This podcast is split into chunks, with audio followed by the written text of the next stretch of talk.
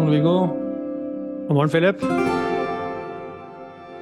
Jeg frågade deg om du eh, hade lust å dele noe fra din eh, tid som munk med oss idag, innledningsvis. Ja. Har du eh, plockat fram noe? ja, jeg har det. Jeg har uh, Jeg tenkte jeg kunne fortelle om uh, den gangen i Katmandu hvor jeg var hos uh, altså det de kaller en uh, sjaman-healer. For det var uh, Nummer én så er det en Du kan godt si en spesiell historie, men uh, jeg tenker jo også at den historien har et ganske viktig poeng som vi kan snakke litt om etter at jeg har fortalt historien. Mm. Så foranledningen til dette var at jeg hadde Altså, det var ganske rett etter at jeg ble Munch, så hadde jeg Jeg ble, jeg ble ganske sjuk. Og hadde veldig gule øyne, og jeg var, tror jeg var at jeg var gul i huden nå, faktisk. Altså. Så det var Og alle trodde jo jeg hadde hepatitt, som er en leversykdom. Så jeg, så jeg gikk jo da og på sjukehuset, liksom, og det var ikke noe feil med leververdiene mine, eller noe sånt, så jeg hadde ikke hepatitt. Jeg hadde bare alle tegnene på det. Så det var uh... mm. Og så fikk jeg da høre om denne sjamanhealeren, så tenkte jeg jeg kan jo godt prøve Prøve det? prøve noe nytt, liksom. Altså sånn uh, når man er Ja, for det hadde du ikke gjort før? Nei, det hadde jeg ikke gjort, for jeg visste jo ikke hva det var, eller uh, egentlig at det fantes engang. Så Og da må vi gå Dette er jo ja, 30 år siden. Jeg vet ikke hvordan det er gammel, altså, du var jo munk i fire år. Hvilket år under den perioden var dette? Da? Var det i starten eller mot Ja, dette var, dette var i starten. Så jeg var jo bare noen og 20 år gammel. Ja. Kanskje 23 år gammel, tenker jeg. Noe sånt. Mm. Og, og dette var jo da litt på utsiden av Katmanu, det som kalles Bodanat, som er et sånt hvor det lever mye eksiltibetanere, og det er jo egentlig et lite, du kan si en liten landsby, men som da i stor grad er altså full av tibetanere og, og munker og klostre og Men det var jo også da veldig så så dette var jo på kvelden, så du, kan, du må forestille deg nesten altså en liten landsby hvor det er, det er lite lys, det er dirt roads. Og så kommer jeg da inn i dette rommet, og så bare er et helt enkelt rom, også ganske mørkt, tjukt av folk, som da bare sitter der. Og jeg setter meg bare ned, da. Og så er da denne Altså sjamanhealeren sitter jo da Når jeg kommer, for rommet er fullt, så jeg sitter jo da et stykke unna, men det er jo en, en veldig spesiell opplevelse, må jeg si, for en ung nordmann, for at det bryter Ja, det bryter med alt som jeg har tenkt på som virkelig, egentlig. Mm. Men hun sitter jo der da i dette Husk på, dette er en Dette fikk jeg jo vite senere, men dette er en gammel uh, Dette er en gammel healingtradisjon som eh, I hvert fall den Altså hun Det var tilbakeført da til Ladakh, som ligger i Nord-India, men som også er uh, veldig tibetansk. Og det som er da deres tankegang, det er at det er noen Altså en sjamanhealer, det er jo da Altså et menneske, og det er mange, mange år med trening som skal til for dette. Altså det er ikke bare noe sånn Det er ikke bare å knipse i fingeren, så er man sjamanhealer. Det er at eh, kroppen og nervesystemet ditt alt må være beredt. Men det som er tankegangen deres, er at healeren eh, altså blir tatt over av en healing spirit. Mm. Så det er ikke da, i dette tilfellet, da en, eh, en eldre tibetansk kone, kanskje rundt 60 år gammel. Det er ikke hun som har helende egenskaper, det er da den healing spirit. Som, som da tar over egentlig hennes kropp. Da. Det er sånn de ser det. Mm. Og, og healer. Og det er jo da eh, energihealing. Så det er en form for healing som eh, er jo veldig annerledes enn å gå til doktoren, for å si det sånn. Ja, det er ikke så mye prat om energier hos den norske legen. Nei, men dette er jo en del av, i høyeste grad en del av den tibetanske kulturen. Og, og dette finner du jo på en måte i egentlig alle gamle kulturer, altså sånn lignende ting. Så det er ikke men, men jeg var jo mer lært opp til å tenke at dette var overtro. Så det Og ville jo kanskje tenkt at altså det jeg nå var vitne til, altså hvis du skulle plassert det i en eller annen kategori, så ville jo vil det være naturlig å tenke enten så er dette bare ren galskap, eller så er det altså et skuespill. Ja, for det kan man jo også samtidig fort tenke litt på når du sier at det er mange år med trening, at, og om det også er normalt i den kulturen Ja. opptre på den måten der. Ja, ja, Så er det någonting, så er det en måte å være på man kan bli, som man kan lære seg. Ja, ja, absolutt. Og, og, det, så hun satt, og når hun, når hun da går i transe, da, som du kan si er det hun gjør, så tar hun på seg så det er, Dette er jo også rituelt, så hun sitter der da altså med en stor hatt på hodet og med spesielle klær, og har en, en bjelle og en tromme i hånda, som hun da innimellom eh, og, og det er den og det er rett og slett altså den energien som stråler ut fra henne, den er, den er helt enorm. Altså det, det Så det er et eller annet i det rommet som Det er et veldig lada rom, for å si det sånn. Så jeg, jeg blir jo virkelig redd, altså. Jeg blir, jeg blir kjemperedd i det øyeblikket jeg kommer inn der, fordi altså alle mine assosiasjoner til den type ting går jo rundt frykt. Mm. Altså sånn uh, altså, ja, Masse skrekkfilmer, ikke sant. Dette med possession. Så for oss Ja, er det knytta ja, liksom til evil, eller til ondskap. Altså, vi har jo, vi, og det er det som er interessant. Det er derfor jeg forteller historien. For at den, den utfordrer virkelighetsoppfatningen min noe enormt. Og veldig mye av min altså frykt, da, veldig grunnleggende frykt, kommer til overflaten. Så det første jeg får lyst til når jeg kommer inn i rommet og egentlig prøver å ta inn hva som skjer, det er jo å stikke av. Jeg får lyst til å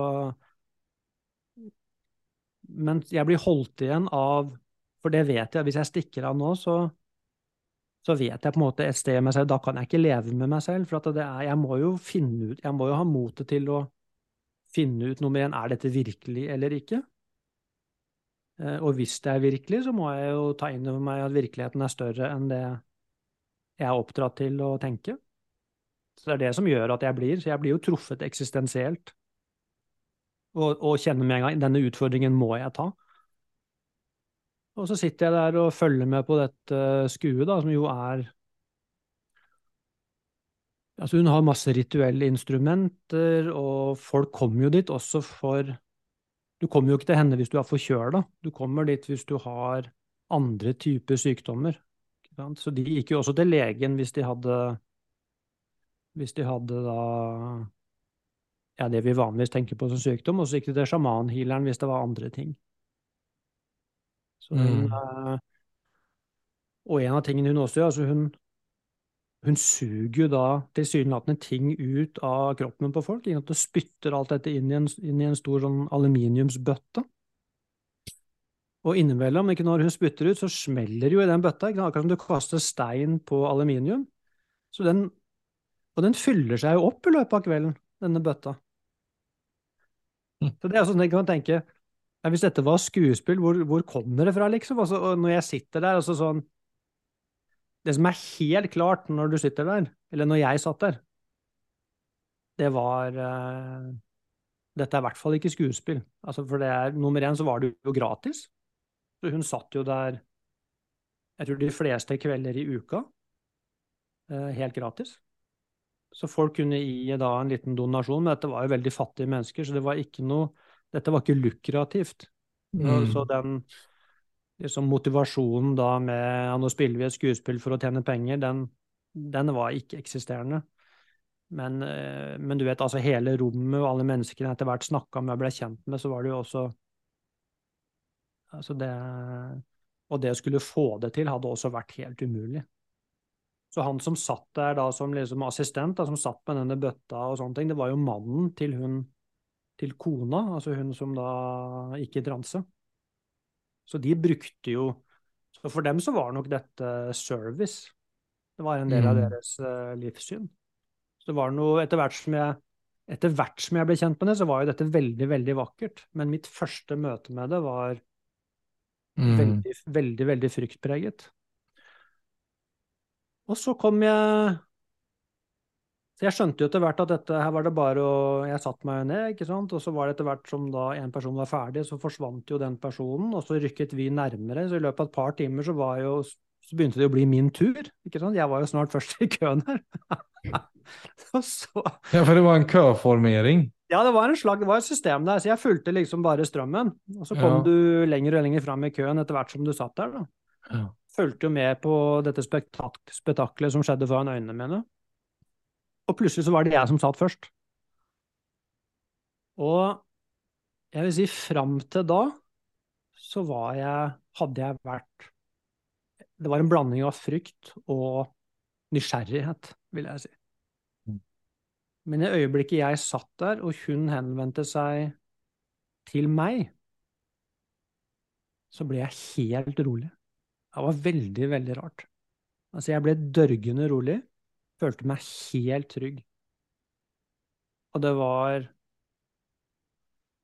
Hvis jeg skal sette et ord på det, så må jeg si mother energy. Altså, det var Det var en ja, morskjærlighet som jeg bare kjente holdt meg. Og, og så var det, en, det var en oversetter der, så jeg prøvde å forklare. Han kunne ikke, var ikke veldig god i engelsk, men jeg forklarte han symptomene mine, og hun nikket. Og så tok hun da hodet mitt inn til Altså helt inn til seg, og så kjente jeg da plutselig tunga hennes eh, inn i øyet mitt. Og det var altså Den følelsen jeg fikk, det var akkurat som når du tørker støvet av et bord. Du tar kluten, og så tar den fram og tilbake, så du får med deg all støvet. Jeg fikk følelsen at det var liksom At hun gjorde det samme med øyet mitt, bare med sin egen tunge. Akkurat som bare tjuk, tjuk, tjuk, tjuk, tjuk. Det er også et sett å gjøre det på. Først det ene øyet, og så det andre øyet. Og så Og så tror jeg også hun eh, altså Fordi hun jobber jo da med det vi kaller meridianer, eller energibaner i kroppen. Og så har hun da sånne rituelle ting, altså et metallrør og noen sånne ting som hun Det var veldig Hun sugde da liksom Så det er jo da en energetisk form for healing. Hører, jeg, vet, jeg vet hvor sprøtt dette høres ut. Så jeg tror hun, så vidt jeg husker, så gjorde hun det også sånn Og spytter da det ut i den metallbøtta. Og så Men da, så når jeg, når jeg gikk derfra, så var jeg helt rolig. Så det var eh, Og så, og så veldig interessant, altså så møter jeg da altså en tibetansk munk når jeg går ut døra. og Jeg skal jo da gå opp til det klosteret der hvor jeg bor, som er noen en sånn halv, halvtimes gange unna. Så møter jeg en av munkene fra klosteret, som er tibetansk, på veien, og så forteller jeg hvor jeg har vært. Og så gjør han sånn åh! Skjelving, liksom, og sa Og det hadde ikke han turt. Og da fikk jeg fullstendig sjokk igjen. Altså for, for jeg trodde dette var helt integrert i, uh, i den tibetanske kulturen. Så at en av munkene syntes det var skummelt, det var veldig, veldig rart for meg. Men, Mm. eh, men det var uh, Det var egentlig den historien som jeg ville fortelle. Men, men jeg skal legge til litt ting, for at eh, året etter jeg, For jeg, jeg reiste jo mellom eh, India og, eh, og Nepal pga. visumsituasjonen. Jeg kunne bare være i Nepal seks måneder av gangen, og så måtte jeg dra til India, og så måtte jeg være der eh, jeg tror fem måneder, og så var det tilbake til Nepal.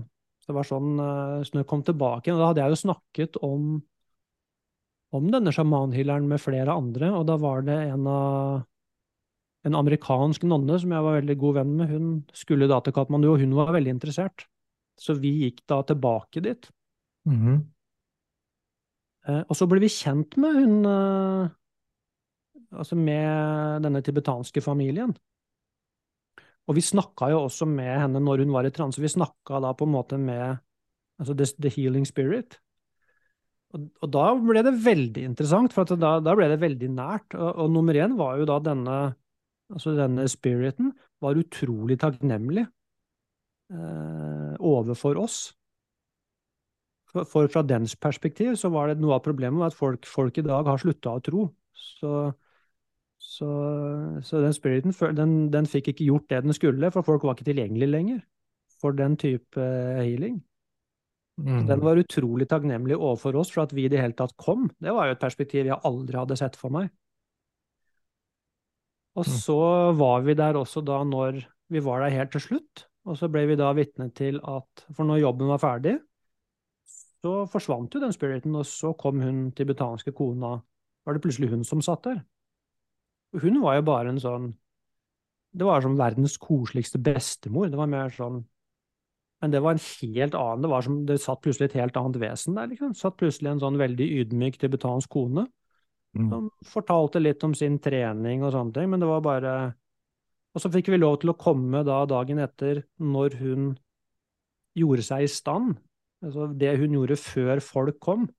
Mm. Vi, så vi satt der i rommet, sant, for, så da kom jo hun tibetanske kone. Hun kunne jo nesten ikke gå. Ikke Hun var jo sånn veldig utrolig stiv i kroppen. Og, og, så satte hun seg ned, og så tok hun på seg da denne hatten og disse rituelle klærne. Så fant hun fram bjella og, og denne tromma, og så begynte hun, og så plutselig, vet du, så, så kom da rykninger i kroppen, og så begynte hun å kakke, akkurat som du har sett som en heks på sånne Disney-filmer. Så det, det, var jo også eh, litt sånn skremmende i begynnelsen. Sånn derre Den type latter. Og så plutselig var det sånn bang! Så var plutselig kona borte, og så var The Healing Spirit her. Og da Den tromma jeg aldri Den ble spilt da med en enorm kraft. ikke sant? Så plutselig poff, så satt det pure power foran deg. Men hva sitter du igjen med? for det er som du sier mange som definerer dette som overtro. Hva er det du sitter igjen med efter den opplevelsen? der? At du kjøper det fullt ut eller hva er din liksom, versjon av det i dag? For vi, du og jeg snakker ibland om at vi mennesker har en, en ganska trång syn på omvärlden, vilket ju också ofta kan leda till mycket problem. Det är kanske att man må på en måte tro på noe hva skal man si, høyere krafter eller større mening, men vi har ofte en veldig veldig redusert bilde av virkeligheten. Ja. Altså, grunnen til at jeg ville fortelle historien, det var egentlig Jeg tenker det dypere poenget med det, altså for meg, det var jo det å tørre å utfordre egen, uh, mitt eget syn på virkeligheten. Og egentlig hvor viktig det er for oss. Altså når det når livet treffer oss på måter som er vanskelig for oss å forklare, så er det noe med å tørre å være åpen og nysgjerrig. Det og det säger en vikt, eller den, den poängen som stoppet det vid lite var jo det der med att när hon, eller när the healing spirit säger att vi har slutat tro. Ja. I det ligger också att vi har slutat tro på en, eh, en slags mening eller ett, att, att livet har en grundläggande, eller grundläggande sett eh, ett värde. Ja. Eh, och så kan, må man ju lägga vad man vill i det, men den ja. generella uppfattningen är ju idag att livet är bara absurt egentlig uten retning og veldig, veldig tilfeldig og meningsløst, da. Ja. Altså jeg tror fra et altså såkalt da, et standpunkt da, fra vitenskapelig materialisme, som jo er du kan si, den egentlig metafysikken som er rådende i dag, at hvis noe er virkelig, så er det materielt, så blir jo det jeg opplevde der, veldig vanskelig å forklare. Det er, det er på en måte ikke Men det er selvfølgelig andre. Husk på, for meg så er det Det er ikke viktig for meg at at folk skal tro på at uh, du kan bli possessed av en spirit, og så kan du Det er ikke for meg viktig. For meg er det en forklaringsmodell.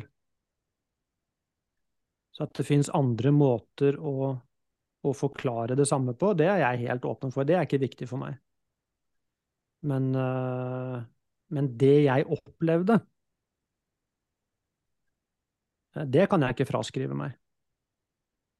Så, så uansett så er den Altså de erfaringene jeg hadde, de overskrider kan si, den menneskelige modellen som er rådende i dag. Det gjør den. At man liksom må godta en sånn du vet, hierarkisk åndeverden og sånne ting, det for meg Nei, det er absolutt andre måter vi kunne sett dette på, men det, å, men det å bare si enten så er det galskap, eller så er det skuespill, det blir for enkelt. For det var det ikke. Men at man kunne tatt den type fenomener og kunne funnet en annen modell på det enn den uh, som tibetanerne bruker, det tror jeg ikke ville vært noe problem. Men da er, vi, da er vi plutselig inn i menneskenaturen igjen, og som er da noe dypere enn bare kropp og hverdagsbevissthet. Da må vi inn i en eller annen form for dypere bevissthet.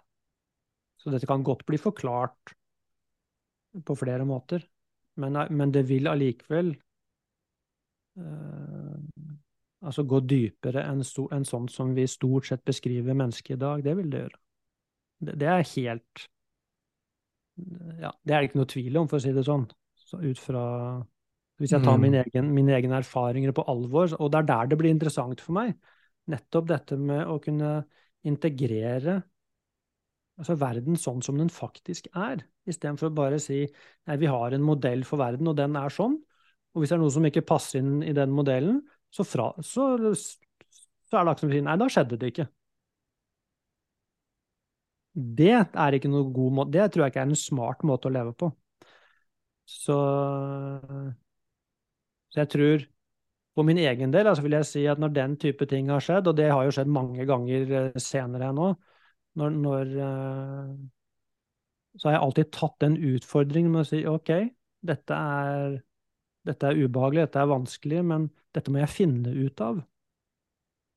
Så for meg så handler egentlig det dypest sett vil peke på med denne historien, er egentlig frihet. Og, og, egentlig livskvalitet. Det å bli med. Det å ikke Ikke det å tro at vi har definert livet, for det har vi ikke. Livet er et mysterium. Og det, og det er det jo fortsatt. Mm. Det er jo like mye det for meg i dag, kanskje mer enn noen gang. Akkurat som det blir større og større mysterium, jo mer jeg blir med på at jeg vet jo ikke. Men jeg må jo ta erfaringene mine på alvor, for det er det eneste jeg har. Og som jeg prøver å få det til å passe inn så godt det lar seg gjøre, men egentlig aldri tro at du har funnet en modell for virkeligheten, for det, det tror jeg ikke vi får til. Virkeligheten er større mm. enn noen menneskelig modell noen gang kan, eh, kan, finne. Men i det så ligger det uh, Det ligger undring, det ligger frihet, det ligger lidenskap, det ligger uh, og ikke minst også dette med ja, mening, da, for at det blir sånn wow! Livet. Mm. Ikke dette ah, Ja, livet, liksom. Altså sånn, herregud. Ja. Ja, jeg synes akkurat det, det, det, du avslutter med der, syns jeg er utrolig viktig å ta inn over seg. Og jeg er også av den, Altså, jeg, jeg er av den typen som er utrolig åpen for egentlig alt möjligt eh, och håller dörren öppen for det meste. Men stemmer veldig inn på det du sier om at jeg tror ikke vi mennesker eller den, den menneskelige organismen helt noen, så som det er nå i alla fall, kommer helt kunne forstå alt til fullo og er veldig sånn pro det og ja, det er forklaringsmodeller på fenomener som du sier, og fenomener det ligger i vår erfarenhet. Mm. Eh, men om du ikke har de dørene åpne, så vil jo livet bli veldig begrensende. Ja. Og på mange måter, om jeg ser på meg selv, vil jeg jo bli passiv også. Mm. Og som du sier, det som er ukjent, og det vi forbinder med frykt er jo, som vi har snakket om tidligere også, ofte det som åpner opp de dørene. Mm. Ja, akkurat det. Det er akkurat det. Og der ligger jo den Så det er jo det man må egentlig være villig til å legge inn i potten, da. Fordi at hver gang når, når uh, At når definisjonene våre, eller når virkelighetsoppfatningene våre, når den blir truet, så blir jo vi redde. Så det er veldig, det er veldig fort gjort å lukke døren og si jeg vil, dette, jeg vil ikke gå inn der. Mm. Det er bare å se på altså, vi mennesker hva vi er villige til å tro på, bare for å bevare tryggheten vår og gruppetilhørigheten vår. Det er jo helt ganske fantastisk, altså. All det der, eh, hvis man var villig til litt kritisk undersøkelse, så ser man at herregud, altså Mesteparten av det jeg tror på, er jo opplagt idioti. Hva tenker du da, helt konkret? Nei, nå tenker jeg egentlig på de fleste trossystemene våre. At hvis man var villig til å, til å se på det med litt distanse, og se altså hvorfor tror jeg på det jeg tror på, så er det jo ganske opplagt at nei, det er bare fordi jeg har blitt lært opp til det. Dette henger jo ikke på greip i det hele tatt. Nei. Men den enorme frykten for å gå ut i det ukjente, den holder oss da i Og veldig mange tror jo på ting som de, som de egentlig ikke tror på heller. De tør bare ikke slippe taket. Ja, så du tror du, det, du blir, det du leser og det du blir opplært til og oppfostret til å eh, egentlig da se, se, på livet som mm. det, er ofte, det er ofte der de stopper, mens ja. det er våre egne erfarenheter som egentlig kan danne den riktige troen. Och det er jo, det er vanskelig å også få tag på dem om du, om du møter livet med et filter av eh, en forestilling om hvordan ting er. Ja, du allerede, altså det er på forhånd bestemt hva man kan erfare og ikke. Det er definert på forhånd. Og det blir jo da du kan si, Det blir jo det motsatte egentlig av det mindfulness handler om. Som mm. er dette med å være åpen for øyeblikket, uten å definere. Mm. Når de snakker i mindfulness om øyeblikket, så er det jo det de egentlig peker mot. Det er dette friske øyeblikket. Og hvis det er frisk, så er det jo per definisjon ikke definert. Mm. Det er et udefinert øyeblikk. Og det er jo da et levende øyeblikk. Så det blir jo et levende liv. Mens hvis alt er definert på forhånd, så blir det jo Ja. Det blir jo da et, det blir jo et dødt liv, faktisk. For det er ikke plass til livet. Det er bare plass til definisjonene. Mm. Jeg undrer om folk som lytter, kan kjenne på det, akkurat det du sier der. Ja, det ville jeg anta, hvis man, uh, hvis man er villig. Jo, men det er litt sånn at du kommer til et kontor, du har en forestilling om du er på det kontoret. Du kommer og møter en venn, du har en forestilling om hvem den personen er. Så det jeg mener er at det er vel vi møter, så Jo lengre vi har levd, jo større Det er derfor barn er som de er. Ja. At de møter livet på det settet som skaper friske, nye øyeblikk.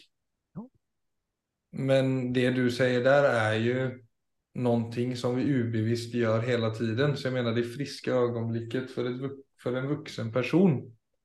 Ja. Det er ikke til stede om man ikke Eller det kan jo umulig være til stede om man ikke Nå har vi sagt det tusen ganger i denne podden også, om man gjør en jobb, men for det er, det er sånn men jeg tror bare man går til seg selv så vil man jo møte situasjoner og mennesker absolutt hele tiden med en redusert tilstedeværelse. Ja. For at du allerede i deg har en veldig tydelig idé. Og da blir jo det møtet mindre spennende. Du blir mindre nysgjerrig. Ja, det er, det er det, som er konsekvensen. Så det er uh så det er jo der kanskje den interessen for dette kan dukke opp, man, hvis man får øye på den uh, What's in it for me?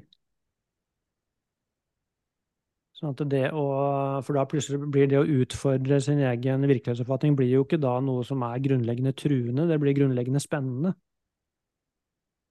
Det ligger, uh, det ligger et løfte der, altså det er et løfte om liv som ligger der.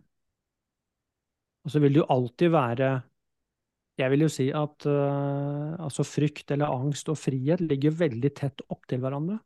Så hvis man skal Hvis man går for et La oss si et, at livet er et frigjøringsprosjekt, da, så ligger det i det at man må være, må være villig til å kjenne på også vanskelige følelser, og ikke minst frykt. For det ligger Hver gang vi blir dyttet ut i det ukjente, så dukker jo frykten opp. Men det er jo også noe man jeg må jo si egentlig også etter hvert blir vant til. At det er ikke så big deal, liksom. Det er verst første gangen, egentlig. Det hører med.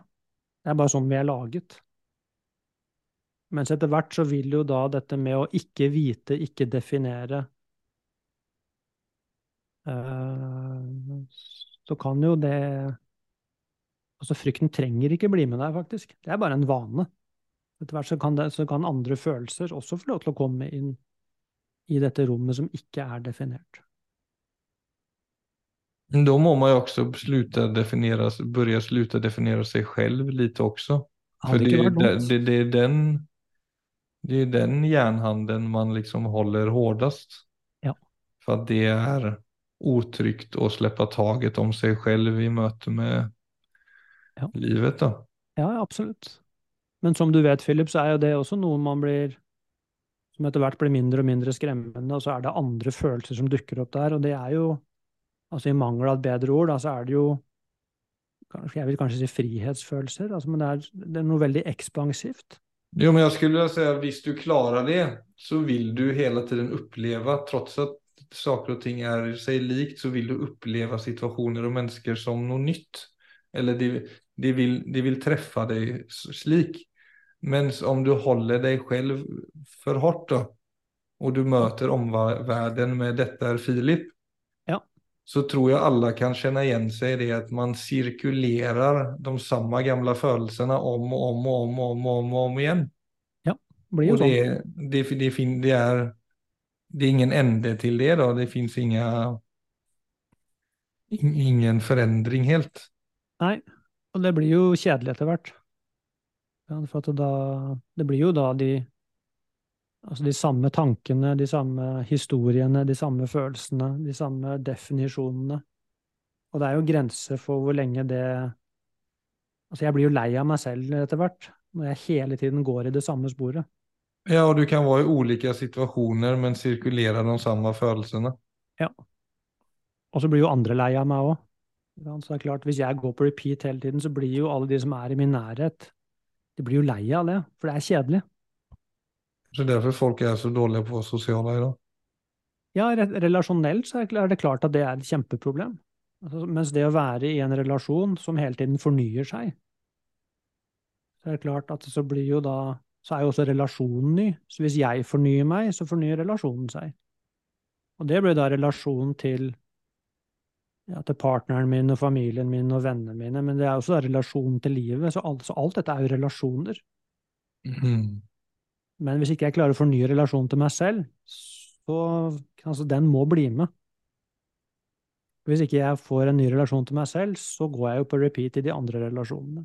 Så der kan man også se viktigheten av uh, presence, altså tilstedeværelse. For det, for, for det er fornyelse. For den er ny hele tiden. Livet er nytt hele tiden. Det er bare vi som holder fast ved at det skal være som i går. Men livet blir ikke med på det. Så i det øyeblikket jeg er Altså med øyeblikket sånn som det er, så er det alltid et nytt øyeblikk. Mm. Så hvert øyeblikk er en mulighet for fornyelse. Så så vakkert er jo livet.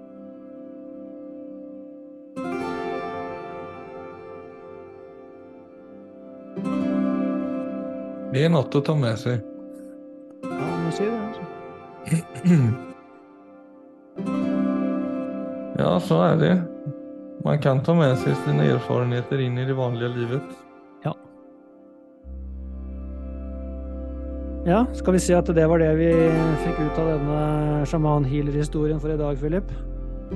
Ja, jeg tykker det. Ja. Takk for at du delte det. Ja, ja, flott. Takk for i dag. Takk for i dag.